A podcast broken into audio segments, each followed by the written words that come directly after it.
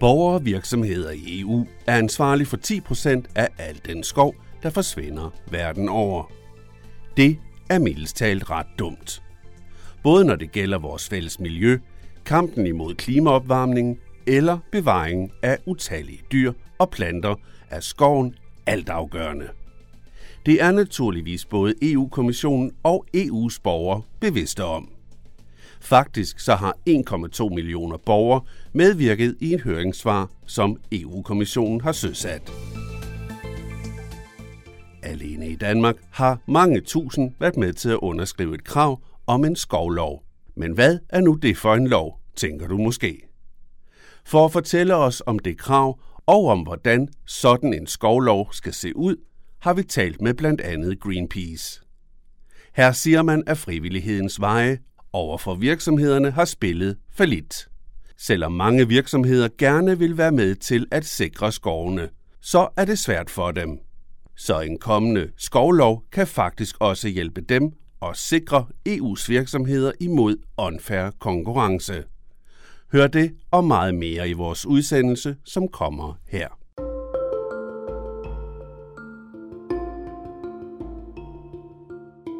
Jeg hedder Christine Clement, og jeg er kampagneleder for Landbrug og Skov i Greenpeace Danmark.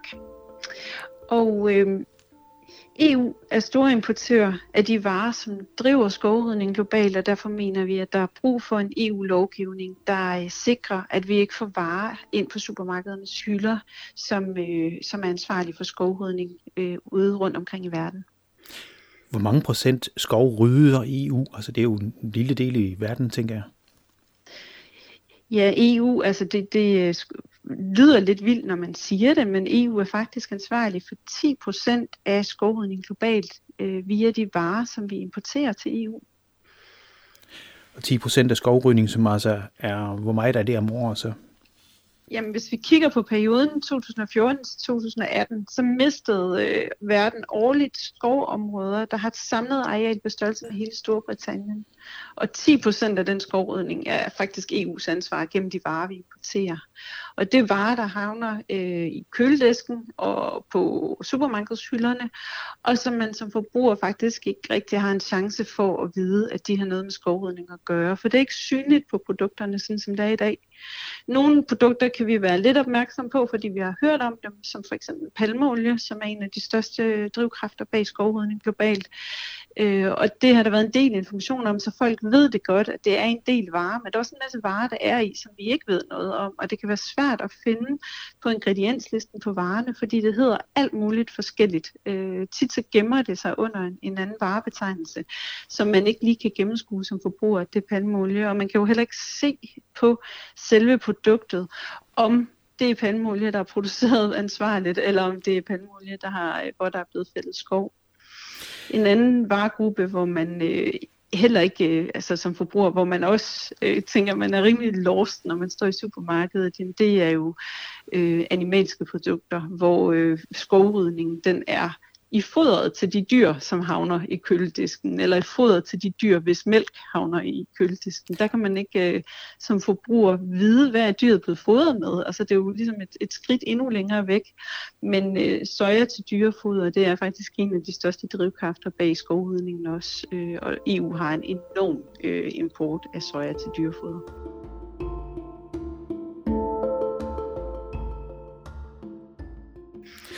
Så er det i nævner jeg for Greenpeace, at der er brug for en EU-skovlov. Kan du ikke øh, forklare lidt om det? Jo, det kan jeg godt. Altså, det er jo faktisk et, øh, et forslag, som kommer fra øh, Europakommissionen, fordi man i 2019 satte fokus på det her med EU's rolle i afskovning, og hvor stor den faktisk er globalt, og hvor vigtigt det også er at få sat fokus på i forhold til den klimakrise, som vi står midt i, og hvor vi ved, at skov øh, og lade skoven stå, det er en af de faktisk nemmeste ting, vi kan gøre, og også en af de vigtigste ting, vi kan gøre for at bevare et stabilt klima, fordi skovene de lager så utrolig meget CO2, øh, både i øh, træerne og planterne, men også i jorden under skovene. Så det øh, satte øh, Europakommissionen fokus på i 2019 og kom med en hel række forslag til initiativer, øh, som man kunne øh, sætte i gang for at gøre op med EU's rolle i forhold til afskovning. Og et af de initiativer, det var så øh, at kigge på en ny lovgivning. Og i 2020, der lavede øh, EU-kommissionen sådan en høring, hvor de gav alle borgere i EU mulighed for at komme med deres mening og deres bud på, hvad er det, der skal til. Hvad vil I gerne se, at EU gør for at øh, dæmme op for den her skovrydning og få stoppet øh, EU's øh, medvirken til skovrydning ude rundt omkring i verden?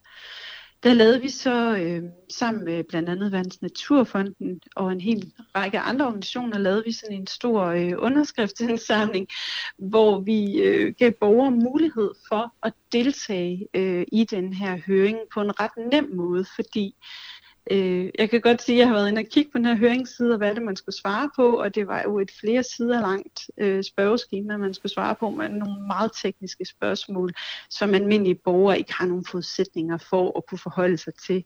Så derfor så gør vi det nemt. Vi forud øh, udfyldte skemaet, lagde det ud, og øh, folk kunne så vælge at sende det her schema ind i høringsprocessen. Og det var der 1,2 millioner EU-borgere, der gjorde, så det var jo bare helt fantastisk. Og det de her 1,2 millioner borgere sendt ind til EU-kommissionen, det var kravet om at få lavet en stærk skovlov, som en gang for alle kan få øh, gjort det her klar til et øh, politisk ansvar for lovgivet på det, og til et ansvar for virksomhederne om øh, at få styr på deres forsyningskæder, og ikke importere produkter ind i EU, som, øh, som der har forbindelse til skovrydning, og hvor der er blevet fældet skov for, at det her produkt det kunne laves. Nu ved jeg jo, i EU-parlamentet, der sidder der blandt andet en liberal gruppe, og de mener jo, eller en del af de der øh, parlamentarikere mener jo i hvert fald, at det burde kunne mærkes, altså en mærkningsordning skulle være nok, så bare at det var gennemskueligt, at kødet for eksempel havde medbragt noget regnskovsfældning, altså skal du mærkes. Er det nok så? Nej, det er vi meget uenige i, at en mærkningsordning, det er den løsning, øh, der er brug for. Hvis man laver en mærkningsordning, hvor man øh, sætter et mærke på nogle produkter og siger, at de her de er fri for forbindelse til skovrydning, så gør man det til forbrugernes øh, ansvar at vælge de her produkter. Og at man gør det til forbrugernes ansvar at være øh, kan man sige, oplyste nok til at vide, hvad det betyder, det der står på pakken, og handle efter det. Og vi mener simpelthen ikke, det her det skal gøres til forbrugernes ansvar. Det er virksomhederne, der importerer produkterne. Det er virksomhederne, der, skal, der, der har en, kan man sige, jo, har jo også en uh, politik omkring at være socialt ansvarlige og have styr på deres leverandører. Øh, og det er virksomheden, der har den information, øh, har den viden, har den kapacitet, og derfor skal der også bare stilles krav til virksomhederne om, at de får ryddet op i det, deres leverandørkæder, at de får styr på sporbarheden for deres produkter, sådan at de reelt ved, hvor det kommer fra, for det ved virksomhederne ikke i dag, når det handler om soja for eksempel. De ved, de ved ikke, hvor det kommer fra, de kan ikke sige det, for der er ingen sporbarhed. Det bliver blandet sammen mange steder undervejs, øh, og når de får det endelige produkt, så kan de ikke sige, om det havde forbindelse til skovrydning eller ej. Sådan den måde, det fungerer på i dag. Og der vil vi, øh, altså der mener vi, at der skal simpelthen lovgivning til for at, lægge, for at lægge det ansvar helt klart over på virksomhederne og kunne dokumentere tilbage til den mark, hvor øh, palmolien eller hvor sojaen kommer fra, øh, at de skal kunne dokumentere, hvor det kommer fra præcist, helt tilbage til marken, til producenten, og dokumentere, at den her øh, soja eller palmeolie ikke har været med til at rydde regnskov eller anden skov, eller ødelægge anden natur, eller for den til skyld har været med til at, at krænke menneskerettigheder, som jo også er en meget stor problemstilling i, øh, i det her med skovene. Du skal sige, en del af skovene i især Brasilien i hvert fald bliver ryddet ulovligt igennem Bolsonaro. Og så tænker jeg så, hvordan skal en mærkningsordning eller også en lovgivning i virkeligheden dæmme op for noget, der i forvejen er ulovligt? Jamen altså man kan sige, hvis man øh, sætter, øh, hvis man sætter krav til europæiske virksomheder om, at de ikke må købe øh, et produkter for områder, hvor skoven er ryddet. Og det skal være ligegyldigt, om det er ryddet ulovligt eller lovligt. Skovrydningen skal simpelthen stoppe, og Europa skal ikke være med til at være en drivkraft bag skovrydning. Så, så kravet skal hedde, at de må ikke importere produkter, som har nogen som helst forbindelse til skovrydning. Øh, og det bliver, skal så være virksomhedernes ansvar, at de arbejder med, med de leverandører, som de har, og de vælger de leverandører, der kan give den her garanti, og som kan dokumentere, hvor det kommer fra. Og de leverandører, som bliver ved med at øh, være involveret i lovlig eller ulovlig skovrydning, Øhm, altså dem skal man jo så skære, skære væk og sige, jeg, jeg kan vi simpelthen ikke handle med, fordi vi kan ikke øh, stole på, at de har styr på øh, den måde, jeres varer bliver produceret på, at det foregår etisk og bæredygtigt. Øh, så, så det mener vi er et virksomhedsansvar, og det skal bare skæres øh, ud i pap med en lovgivning, at det her det er et virksomhedsansvar, det er noget, de skal løse. Det er et minimum, når de sidder og importerer varer fra, øh, fra lande, hvor der er en stor risiko for, at der kan være udskov øh, ulovligt. At, at virksomhederne de så får styr på, hvad er det for nogle leverandører, de bruger, hvor er det, deres produkter reelt kommer fra. Men er det så nemt? Fordi nu, uden at skulle lave reklamer for bestemte virksomheder eller det modsatte, så kan jeg huske en sag med fjeldreven, som jo har de her dunjakker, som de bestemt mente var fra dun, som ikke havde noget som helst øh, dårlig dyrevelfærd. Mm, forhandleren havde altså importøren af duen havde underskrevet det osv. Det viste sig så, da Sveriges Radio spurgte det, at de øh, endte op i Kina, og det var alt andet end, end kønt at se på. Men fjeldrevne havde på intet tidspunkt dog ville have den slags dun, øh, dun, der netop var altså forbundet med dyr, som havde det meget skidt. Er det overhovedet realistisk med den slags? Man kan jo sige, at jo længere, øh, jo længere leverandørerne er for virksomheden, og jo, jo flere led de er ude i, jo sværere er det for virksomheden at have styr på deres leverandører. Og det er jo en problemstilling for, for virksomhederne, når de går ud og bruger øh, øh, køber ting på virksomheder, som har underleverandører, som måske har nogle andre underleverandører, og som har nogle helt tredje underleverandører, så bliver den her varekæde jo utrolig kompleks. Men det er jo et valg, virksomhederne tager, og det er jo tit noget, der handler om at få det produceret så billigt som muligt, øh, at man lader det altså komme ud i, i, i de led, ikke? Øh, og der mener vi, så må det koste lidt mere. Altså, det må koste lidt mere i kroner og øre, for at vi undgår, at vi, øh, vi smadrer vores miljø, og vi smadrer vores skove, og efterlader en verden til vores øh, børn, hvor, som vi ikke kan være bekendt øh, i virkeligheden fordi det bliver en fattigere verden, hvor der ikke er en hel masse, der er en hel masse arter, der kommer til at forsvinde, hvis vi ikke får gjort noget ved det her. Og det bliver en, en verden, hvor øh, man har nogle kæmpe store øh, risiko, risici og problemer øh, på grund af klimaforandringerne.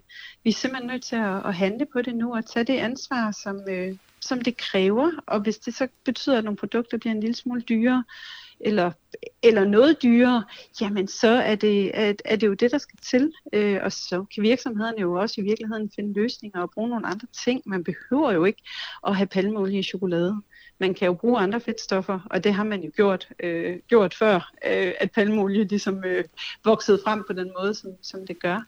Man behøver heller ikke øh, øh, at have soja øh, til grise. grise. Danske grise har jo spist, spist fint, kan man sige, mange år før man begynder at importere soja til foder. Det handler jo om, at vi har fået lavet en model, hvor ting skal produceres utrolig billigt, masse produceres i store mængder utrolig billigt.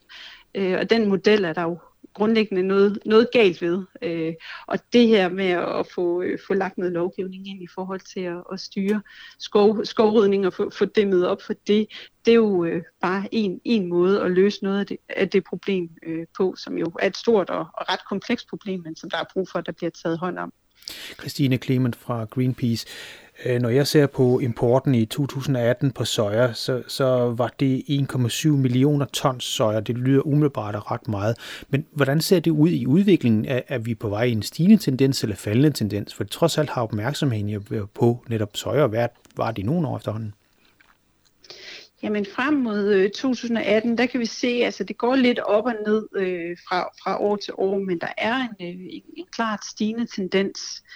Hvis vi kigger over en, øh, en længere periode, øh, så er det vokset øh, helt vildt. Altså hvis vi kigger over de sidste øh, 40 år på EU-niveau, så har vi øh, mange doblet øh, importen. Vi er gået på EU-niveau, og vi er gået fra 7 millioner tons i 1980 til 33 millioner tons i 2018, så det er næsten en, en femdobling, vi har lavet i den her periode.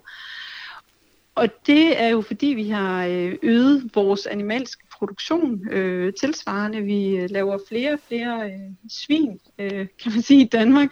Som, altså, hvis vi kigger på den danske problemstilling, så er det jo øh, svinefoder, det meste af det her soja går til, og så er det mælkekvæg, øh, kommer ind på, på anden Øh, så, så ja, det er en, en stigende tendens, at den kræver utrolig meget landbrugsjord uden for Danmark og uden for EU.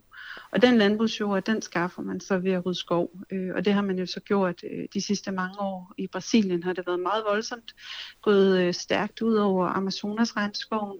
Gået stærkt ud over et område, der hedder Cerradoen, som er mindre kendt, men som også har utrolig stor biologisk mangfoldighed. Det er sådan en øh, savanneskov, hvor der også lever utrolig mange arter. Øh, og det er gået ud over skove i Argentina og Paraguay, øh, hvor den, den skov, man, øh, der er truet af skovrydning, der er det en meget stor skov, der hedder Gran Chaco.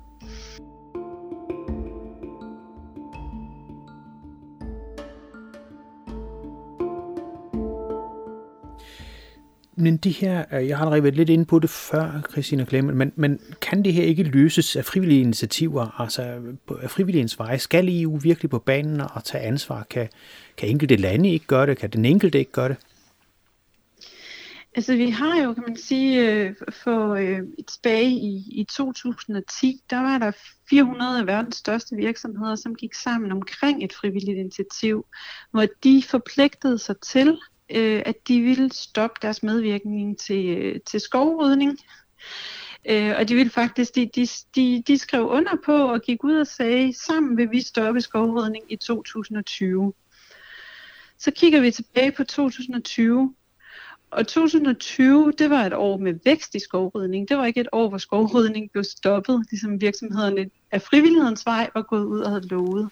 Og det viser jo bare, at det ikke øh, er realistisk at det her det bliver løst af frivillighedens vej. Selvom virksomhederne giver nogle flotte forpligtelser, de siger nogle flotte ord, jamen så når det kommer ned til handling, så er det for det første det er et komplekst problem, det er nogle komplekse leverandørkæder, de sidder med i virksomhederne, men for det andet er det jo også et spørgsmål om pris og konkurrence. De sidder og skal konkurrere med andre, og hvis alle ikke er med på den, og der ikke bliver stillet de samme krav til alle, jamen så er det jo et sted, hvor altså, det betyder reelt noget, at man skal betale en krone mere for et kilo soja. Øh, det, det, det kommer så betyde rigtig meget i forhold til, til konkurrence for, for den enkelte virksomhed. Og det tror jeg også er en stor grund til, at øh, det her problem det bare ikke øh, kommer til at blive løst af frivillighedens vej. Der skal være de samme spilleregler for alle. Øh, og der vil jeg tænke, at det er jo også en, en kærkommen hjælp, hjælpende hånd i virkeligheden til de virksomheder, der gerne vil det, at der kommer noget lovgivning, fordi så, øh, så står de ens. Øh, så er der ikke nogen konkurrencefordel øh, ved øh, ikke at gøre det ordentligt mere.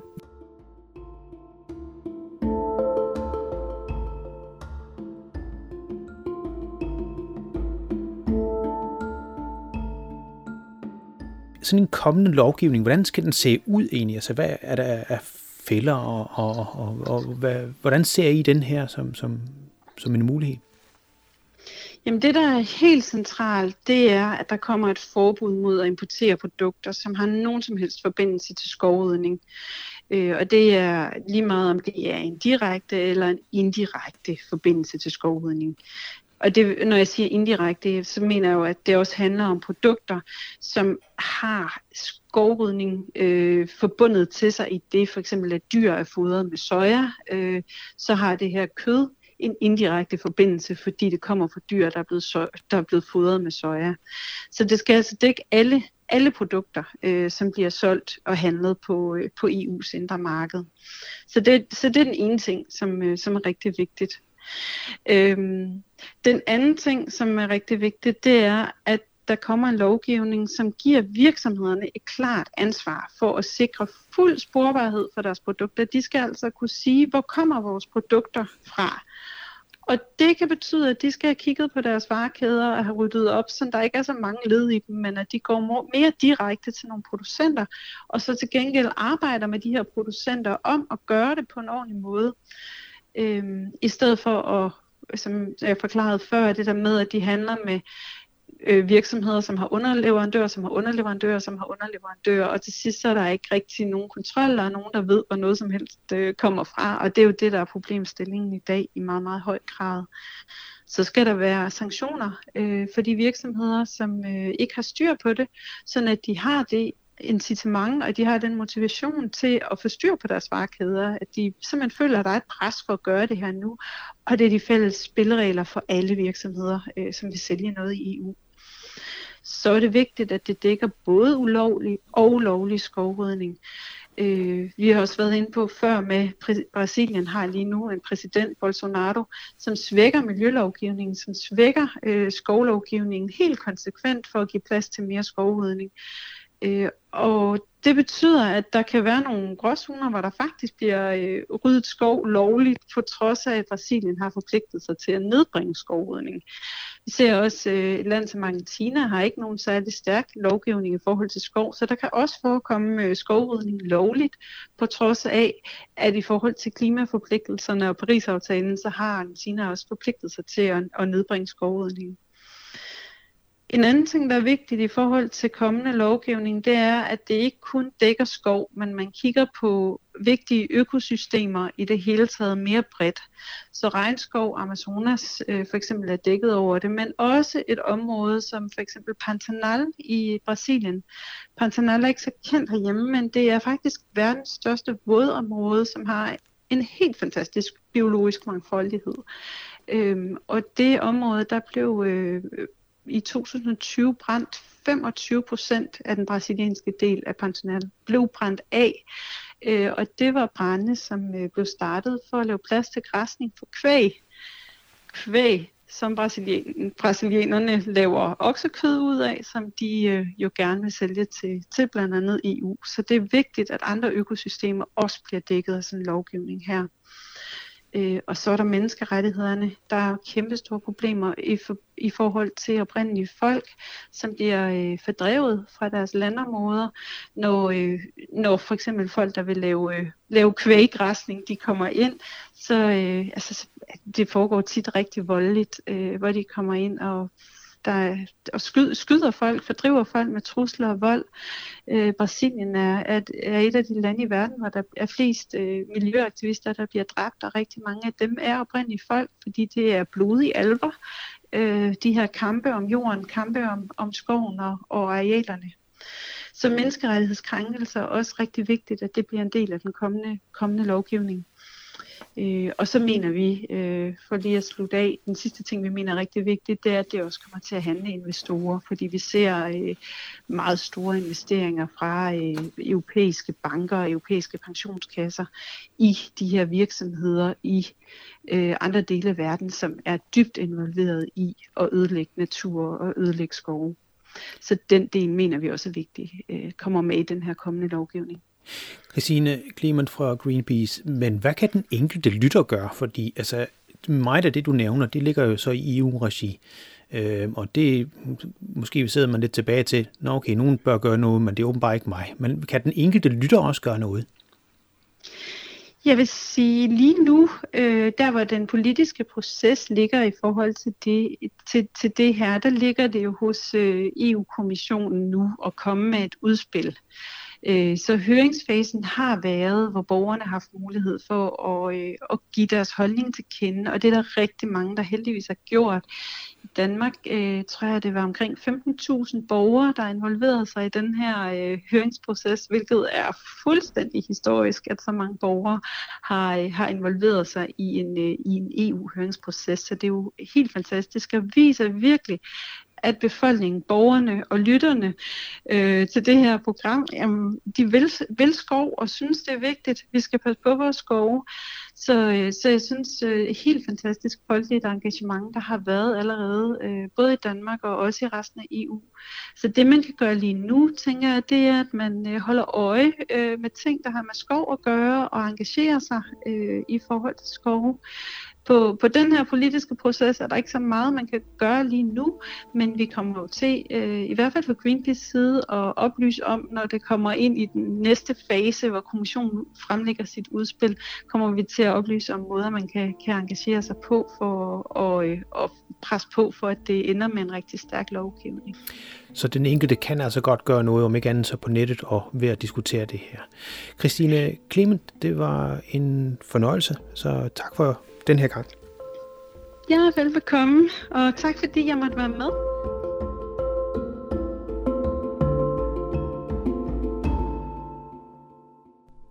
Du har hørt Christine Klemen fortælle om EU-befolkningens krav om en effektiv skovlov. Husk, at du kan genhøre udsendelsen her på vores hjemmeside radiomb.dk-eu. Her kan du også streame eller downloade andre udsendelser i vores serie EU indefra.